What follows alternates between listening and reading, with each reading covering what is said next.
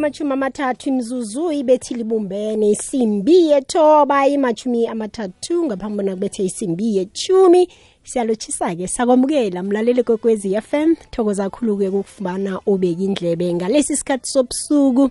Kazi nawe usanduwuvulela njenganje umhatsho lo awukachaphi kwekwezi FM kukhanya ba kulotshisako nokwamukelako ngu-tk intuli unamgwezani hlelo lethu lezefundo mlaleli eliza kuwe qobe ngelesibili nayimatshumi amathathu imzuzu ngemva kwesimbi yethoba. Bekubumbane isimbi yechumi mlaleli kokwezi FM hlala nathi uzokuzwa indaba ezithinta imali yakho indaba ezizokurarululela imiraro onayo engemalakho. Namhlanje sike mlaleli kokwezi FM sithe ke sicale indaba yokubulunga imali begodi nokuyisisa investing and save. Manje ke mlaleli kokwezi FM thina ke haye sibe nenithekeli ezinelwazi neniluleko mayelana nenhloko esiziphetheko ke njenganamhlanje sike iqala ngikhambisana nobuyile mashiyane ovela lapha ke ku SM Solutions. Nguye-ke mlaleli kokwezi FM zabe sikhulumisana naye asipha ihlathululo ngehloko sethu sanamhlanje. Sikuthi kusenjalo-ke nawe sikuphithuba nangabe unombuzo nanyana inyeleliso onazo ngehloko sethu sanamhlanje. Si zimbili nje kwaphela indlela othintana nathi-ke. Uthintana nathi ngokusidosela umtato enomorweni ethi 086 000 3278 ngiyayibuyelela inomboro ithi 086 000 3278 nomboro yethu yomtato leyo. Andike godi-ke eh ungasebenzisa iwhatsapp. Ugadangise iphimbo lakho inomboro ithi 079 413 2172 ngiyayibuyelela 079 413 2172 inomboro ye-whatsapp leyo mlaleli kokwezi FM hlala nathi uzweleke ihlelo lethu commerce and finance sesibuyi ngiyakwamukela ngiyakuloshisa emhashweni kokwezi FM yethe yethe CK ninjani sivukile nivuke njani dadwethu awasivuke mnandi sithokoza inyanga yamagugu inyanga yamagugu kwakwakwakwakwa hayi kuhle kumnandi akuhle wethu. Iye kumele ke sizikhakhazise eh ngamagugu wethu sivunule eh sithabele nje amagugu wethu sesibuye Mm kuthi kusenjalo ke sisebenziseke nemali ngendlela efaneleko. Namhlanje sike sesibuyi sithe ke siqale indaba yokubulunga imali kanye ke nokuyisisa. Siyazi ke ukuthi ke nakufika isikhathi eh sokuthi mhlambe ke omunye nomunye aqale ukuthi imali yakhe uyisebenzise njani. Ngokutsheja bona ke ubulunge kangangani usise kangangani. Khulukhulu nakuphela umnyaka sesibuye. Eh abantu vane babulunge basebenzise isikhathi esingangomnyaka nanyana esingangesiqundu somnyaka. Kodwa na ke fanele wazi ukuthi ke lokho ukwenze kangangani uhonile ukwenza nanyana njani na? Kunabantu ke nokho abangakhona ukuhlukanisa phakathi ke kokubulunga imali nokuyisisa. Akhe usihlathululele ngiwuphi umehluko sesibuyi phakathi kokubulunga imali nokuyisisa. Ye ngithi before ngithoma ke ngilotshisa wena estudio. Ngibonga utate ubaba wakasikhosana ngithi ngithokoze ukuthuba lokuba semoyeni. Ngilotshisa no Minzo lapho lapho um eh, ngilotshise nomlaleli futhi ekhaya. Ahake sithokoze sisibuye okay. Eh ngithome i-topic yethu i-topic eqakatheke kakhulu and i-topic eseduze nehliziyo yami. Ngiyithanda ngamandla ngeke ngehliziyo yami yonke. Ngikhuluma ngemihla namalanga ngoba eh abantu aba umphakathi safundiswa ukuthi u- ukusisa imali nokuyibulunga ngekwabantu eba ebaqakathekile or abantu abanye hayi for thina. So ngichaze umehluko between the two. Eh ukubulunga imali which is to invest. Eh kaningi kaze ngichaze ukuthi it's for long term purposes. Mawucabanga ukubulunga imali you have to think in long term eh through ama ama financial vehicles akhona on the market. Omunye uthi ngifuna uku-investa kuma-equity. Omunye uthi ngifuna uku-investa ku-property. Omunye uthi ngifuna uku-investa on long term insurance pro, eh, eh, product. Eh so ukubulunga imali whenever ucabanga ukuthi eh or you're trader or uthenga ama-shares but when you think the long term fanele ucabange into efana nabo-five years ungatholi ama-returns amahle ngoba investing in the long term ifuna umuntu one-discipline and ifuna umuntu one-focus and umuntu one-patience futhi. So and I understand ukuthi ama-investment asebenza njani. Abantu abaningi baya-investa and then after ufuna ukuthi next year bese angene ku-account yakhe athole something i-investment ayisebenzi njalo. When you invest you have to think beyond five years. Ku-five years kula khona sengathi ihlangahlanganisa imali but in the long term izoba nama e, e, e, ama-dividends amahle azokubhadela. Kufana eh sizakhuluma ngazo masiloku sikhuluma. And then Mhm. ekusiseni imali ekusiseni imali it's basically for the short term uh, it's for short term purposes. for short term purposes sithi ukuyibulunga Eh, mm. ukuyi- saving imali eh uku uku it's for short term purposes Mm. if ufuna ukuthi mhlambe eh niya expecta umntwana for is a new couple or ne couple yakudala ni expecta umntwana you save towards igoal yokuthi umntwana makavela kube imadlanyana ikhona. Eh if ufuna ukufaka ihege etsha endlini you save towards that goal. So i-savings ikusiza lapho ekuthini ungayenzi ama-loan to to to to achieve ama-goals akho. Safundiswa ebuncanini ukuthi ukuthi ngifake iheke fanele ngenze loan bese ngiyibhadele emuva. So manje thina sesifaka isifundo sokuthi save towards that goal so that ungaphuma kuma-loan lawa allows angakwenza ukuthi ugcine use-credit bureau so you save towards i-goal enye nenye and i-savings iza towards you can save ngama-coins. Ungaseva eh ungavula i-account yesithu ku-account khona manje asisakudingeki usebabhanki ukuthi uvule i-account ye-savings. Um ngoba if uthi usave ngaphakathi kwe-account yakho le uholela kiyo angekho ukwazi ukucheck-a kahle ama-savings wakho. So afuna ukuthi uwavulele i-account esayidini bese ubeka imali khona. Ungasave ngama-coin ungasave ama-bank notes eh wabeke esayidini but it's for short term purposes. Kusho ukuthi Mm. mhlambe sine bathi yini i- i-black friday yeza abantu abaningi a- a- abacabanga ukuthi nge-black friday ngingafuna something. Bese makufika i-black friday so ufuna ukuyothoma kwenze loan. But iqiniso ukuthi you can save towards i-black friday. Ubona ukuthi into engizoyidinga ingadla four thousand. How do i save towards that? Konke lokho kudinga ama-plan but ama-plan akafani. It's a short term plan ngeye-savings and then for i-investment it's a long term plan ngiyakuzwa-ke sesibuye ngifuna nasibuye ukuthengisa entolo khe siqale ukuthi kuhle kuhle ngisiphi isikhathi esilungele bona ngisise investment. Kumele ngiqale ini eh, begodi-ke no- nesikhathi sokuthi ngibulunge imali ukuseva imali ngisiphi isikhathi esilungileko.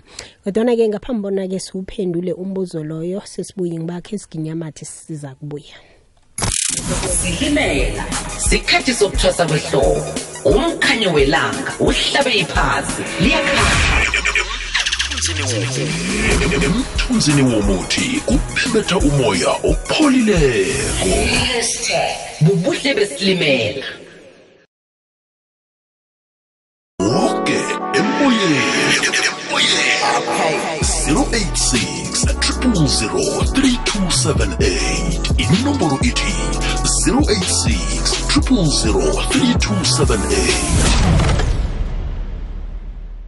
sibuyile-ke mlaleli kokwezi FM sisesenawe ngaphakathi kwehlelo commerce and finance. Nawo sanda ukuvulela umhatsho siyakwamukela siyakulutshisa namhlanje sikhuluma ngokubulunga imali begodi nokuyisisa. Bona-ke khuyini begodi-ke um kuqakatheke ngani? Emtatweni nginesithekeli lapha-ke udadewethu ubuyile usaramashiyane ovela kwa-bsm solutions um kungibo-ke nokungibo-ke abasilulekako eh ngemali zethu. Mlalele kokwezi FM ungathoma-ke nawe usidosele. Mtato ngivulile imtato yethu ku-086 000 3278 ngiyayibuyelela ithi 086 000 3278 bese lapha kuwhatsapp uthi 079 413 2172 iba nombono nanyana-ke umbuzo ngesihloko esisiphetheko sesibuyi usesekhona ngiyathokoza khulu kwamambala ukusibambela. Akhe siqaleke bona kuhle kuhle isikhathi soku-investa imali esilungele ukuthi u-investe imali. La ungalindela khona amakonyana amahle ngengisiphi? Sikhona sona na? Isikhathi simanje ukuthoma both uku-investa ukuthoma eh both uku-investa nokusave but then ngingayichaza so uyabona ifundo esayithola sibancane ayizange yafaka i-financial education azange yasitshela ngokucakatheka kokuseyiva um ya noku-investa imali. Into lezo sizibona ngathi izinto zamakhuwa abantu bebalala elimhlophe or abantu abanemali or abantu ongathi bayakhona. Kanti no eh solanka unengeno lemali olitholako iyingeniso uyakwazi ukuthi usave whether upermanent whether ukho permanent. Whether uthola imali ye-maintenance from ubaba abantwana solanka unengeno noma uyathengisa or wenzani kufanele ukuthi usave lokho kuyokusiza nokuthi makuvela siyazi ukuthi isifo asiplan makuvela nesifo uyakwazi ukuthi ugijimele kuma-savings ukuprotecta ekuthini ukuhambe uboleka wena waziwa ngokuthi uyaboleka. yet une-salary every month. So solanka uthola imali every every month you have to start saving now if ungakathomi nawusatsho njalo. iye nawusatsho njalo vele eh sibuye ukuthi kunezinye zezimo ezivela kwempilweni zethu esingakazijeji eh zivele singakatsheji uthole bona ke asinamali esibulungileko ungathini ngalokho mhlambe? Eh isimo leso isimo esibuhlungu kakhulu ngoba uyothola ukuthi sivelela wena umbelethi. Umntwana uyagula ikoloyi ezinye izinto ziyenzeka ngesikhathi esiyi-one. Yikoloyi ifibhetri umntwana uyagula kutsho ukuthi konke lokho kutshale wena and imali fanele ibe khona uya kwadorhotera especially ma ungasikuma-medical aid. Or sometimes uhlala ekudeni nekhaya fanele omunye uyagula ekhaya umbelethi wakho uyagula kufanele uyomhlola. Uyabona ukuthi izinto ezifana nalezo zifuna ukuthi wena uhlale unama-savings. Anama-savings asitsho ukuthi ubeka imali eningi. Imelokya nalokya uthi wena abantu abasela i-cold drink bese uthi ngiyaseva uthi abantu bathenga impahla uthi mina ngiyaseva no useva imali obona ukuthi i-right but ngiyelilisele umlaleli ekhaya ukuthi if bongakathomi ifuna for the first three or four months uyenze imali akhona ibe ngathi ikudlwanyana ikwazi ukuthi ivule umgodla loyo ukwazi ukujama bese uzoza uyiphungula phambili. Ngoba ukuhlala ungakasevi angekhe kukusave nakancane. Imali ikhuluma ilanguage eyi-one ithi save ithi save me today and i will save you tomorrow. Ngiyakuzwa-ke sesibuyi kanti-ke nawusatsho njalo-ke omunye angazibuza ukuthi kufuze bona eh ngibe nemali engangani? Lokhu nangiza kuthoma ihlelo eh lami lokuthi ngibulunge imali.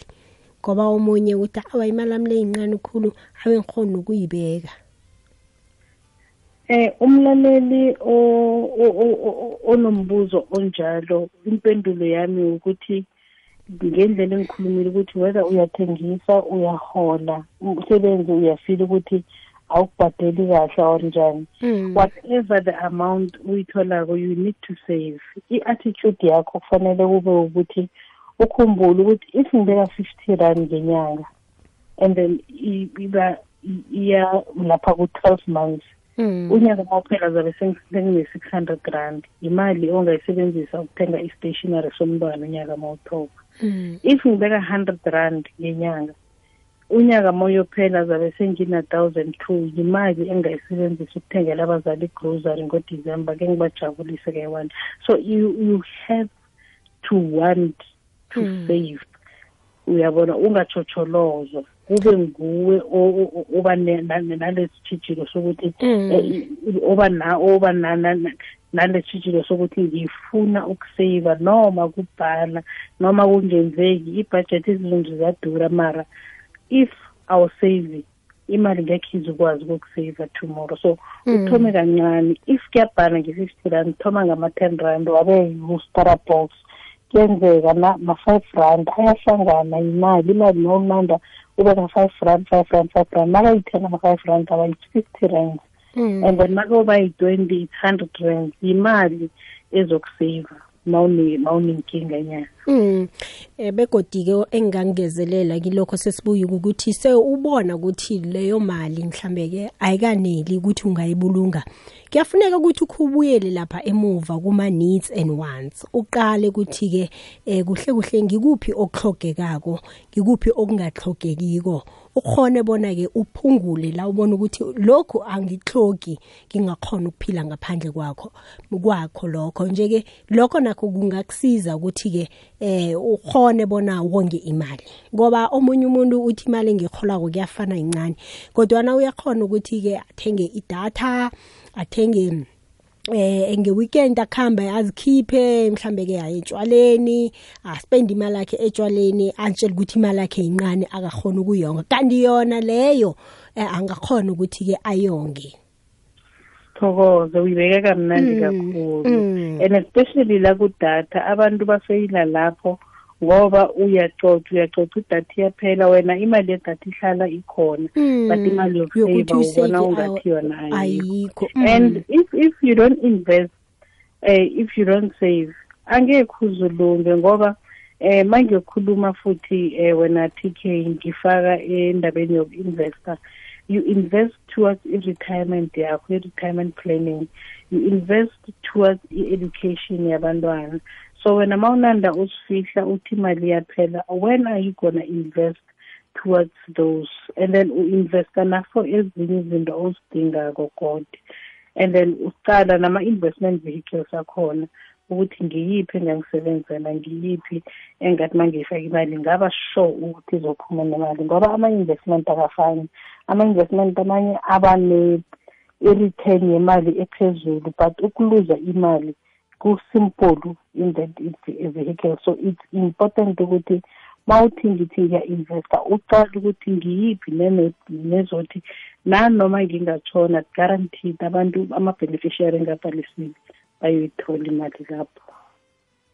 Yazwakala ke sesibuye. Ngiba ukuthi godu sikhambe siye ngentolo siza kubuya. Thokoza. aha.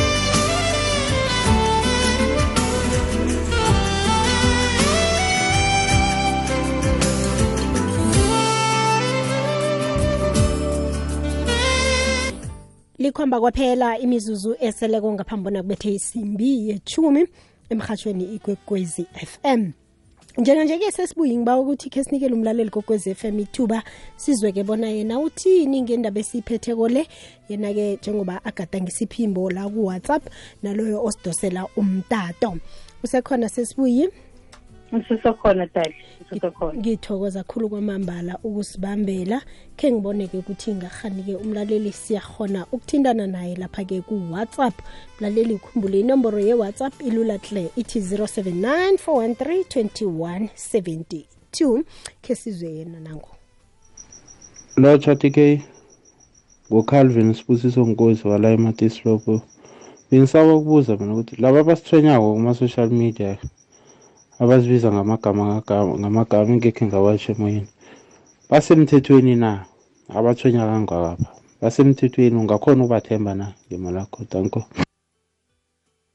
ahake siyathokoza umbuzo wakho calvin ke sizomunye ngiba ubuza udade ngapho ukuthi lokhana u-investako ubekelwa iminyaka kuba yini ngingakwazi ukuzibekela mina ngokwami iminyaka ukuthi ngifuna uku-invest iminyaka imingaki kuba yini na u-investako bakubekele iminyaka elisumi kokuthi kumele ubeke imali kufikela eminyakeni elisumi emva kwalokho eminyakeni elisumi ihlangene bese khani uzothola imali yakho okade uyi-investa nawufuna imali yakho ngaphambi kokuba iminyaka elisumi ihlangane kuba yini bathi imali yakho asoze wayikereya yonke iphelele ebekade uyi-investa leya.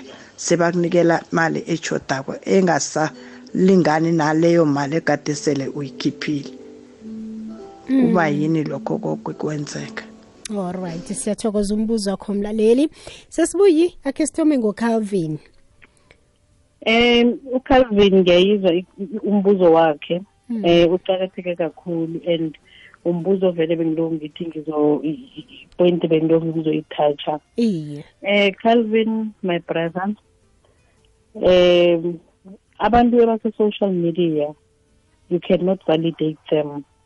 Bayakhuluma and into bayikhulumako awazi ukuthi iqiniso or eh yinto ebazenzela yona na. Hmm. so into engingakucela yona my brother ukuthi eh zivalidate wena eh checka before ungacabanga uku-investa nabo eh funa imininingwane funa i-FSP number into eqakatheke kakhulu ufuna i-financial services provider number inumber e- ebonisa ukuthi basemthethweni so if umuntu uyakutshela ukuthi investor enganakana FSP number wazi ukuthi imali yakho ama-chances wokuthi imali yakho ikhambela safuthi are very high. Ngicela ungizwe angigarantiyi ukuthi butsotsi ngithi ama-chances wokuthi imali yakho ingabuyi are very high ngoba bekho emthethweni. Noma uthi uyoba eh Uyoba-report. uyoba- uyoba-reporta ku-FSCA i-board yama-financial services providers angekhe bakwazi ukubatracker down. So ukuluza i-ten rand uyiluzela e- emanzini kufanele uku- kungcono ukuthi u- wenze i-research before. So ukuluza i-ten rand is a lot. Imali i- i- izinto ziyadura. Imali yincane so yonga imali yakho enye nenye and ma uyonga lwela ukuthi uyonge nama in- nama-company are-registered and ube sure ukuthi imali yakho izophuma eh, izobuya and uba sure njani uthola i-reference ebantwini and then uyazi ukuthi ikhampani yakudala. Ngiyathokoza. Ahake eh sizwe omunye ke umlaleli ebekabuza nginaba investment ukuthi kuba yini ukhethelwa ukuthi kufanele uinvest emalini eh isikhathi esingangani begodi na uyifuna ngaphambi kwesikhathi lesi enizweni ngaso eh uthole kuba nama penalty awusayitholi imali yakho ngendlela eh kade uyilindele ngakho. Kubangelwa yini lokho sisibuye? Eh u- umuzi nomuzi une unendlela Imithetho yayo. ozizinto ngayo. Kwamsikhosana benza ngendlela so kwamahlangu wenziwa ngendlela so so i- i-long term act i-long term insurance act. Ma ungacala imithetho wakhona ngathi iyafana-fana nyana eh ngoba ba- ba- ba- bayagaveniwa. And then kutsho ukuthi umthetho i-long term investment awuyitholi imali yakhona. Nanoma ufuna uku-investa bayakuchazela ukuthi uyabeka imali uzoyi-accessa nini. And ubeka i-signature yakho ufully aware unless kuyoba rojiwe so Kunama bengicela terms ukuthi and ngithi umlaleli conditions. ekhaya bengicela ukuthi for ubeka i-signature understand i- ama-terms and conditions wekhampani o-investa nayo understand umthetho indlu i- i- i- i- umthetho we-contract ongena kiyo. Ngoba i- and umama ngicela ukuthi akhumbule futhi ukuthi i-investment ngithe ngathi you have to think for the long term. I-investment i- idesignwe ngendlela leyo. Ma ufuna ukusave uyazi ukuthi imali yakho ngifuna imali yami ngifuna ukuyithola masinya. But if ungena ku-investment ungena ufanele ulule umcondo wakho. Uchange now ukuthi i have to think for the long term. Obviously kunama-terms and conditions wemali leyo. And if ufuna uku-investa ufuna imali yakho within five years uzoluza out. Imali yakho ama-dividends nama-payout amahle ku-investment avela after five years Mhm. Sesibuyi siyayisonga ke njenganje emanzi wakho wogqina ongadlulisela kumlaleli kwekwezi FM ngokubulunga eh nangokusisa imali. eh for ngakhuluma ngamazwi ami okugcina i- inlelu- inluleko zonke lezi Mm. engizikhulumako zingaphakathi kwencwadi engiyibhalile ye-personal financial management Mm. eh imali i- i- i- ibhale kalubanzi ngama-savings and investments Mm. so ukusave eh i- imali ikhuluma ilanguage eyi-one. Mm. you save me today i will save you tomorrow. So if awusave imali yakho ngiyazibuza ukuthi kusasa lakho libe kanjani ngoba imali ma uyisave uyi-investa uyathola ama-payout. Bengicela ukuthi ama-payout masathola singawa singawadli sifunde nokuthi sari-invest. Mm. arha-ke sesibuye manje sikutholaphi-ke nasifuna iniluleko ngikhona ku-whatsapp 078 936 7791 078 936 7791 ofuna ukungithinda nge-email it's info i-info at bsm financial solutions dot .co.za u-BSM u-B for butterfly S for sugar M for mother financial solutions dot co dot za ngiyathokoza. Sesibuyi ikuthokoza mina isikhathi oziphesona sona wasipha ilwazi emhashweni kwekwez f m. Ube nobusuku obuhle.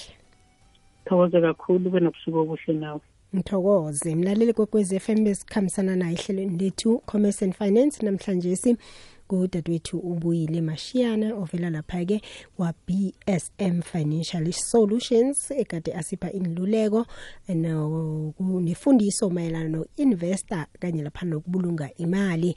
Sithokoze khulu kwamambala ukubeka kwakho indlebe emlaleli kwekwezi FM ngithanda ukutsho-ke kuphindile msiza eh omunye-ke wenthekeli zethu evane sibe nazo emhashweni kwegwezi FM evane asitsheje khulu naye ehlangothini-ke lokusiza ngemali zethu. Ngikhuluma lapha-ke eh, ngumphathi wesipho sethu sihle consulting uphindile msiza namsiza namholozi ngithi happy happy birthday. Ngiyathemba ukuthi uligidinge kamnandi ilanga lakho lamabeletho. Khulele phezulu. Sithokoza kakhulu-ke thina eh, ukuthi sibusiseke sibe nomuntu ojengawe eh, siyathemba ukuthi konke kuza kuhambela kuhle empilweni ngiyakuhamba-ke njenganje emlaleli kokwez FM mina ngikuchiya nomindlu love. Umakhuthalelo ezimfaneleko. Ukuhamba nawe bekubethe isimbi yethumi nambili. Ihlelo lithi sizigedlile. Beka indlebe emlaleli kokwezi FM uba nawe-ke ngo-half past 10 zomnotho zamabhizinisi zikhona. Beka indlebe. Mina nawe ngelesine civic education kusasa likhona ihlelo science and technology. Khambile.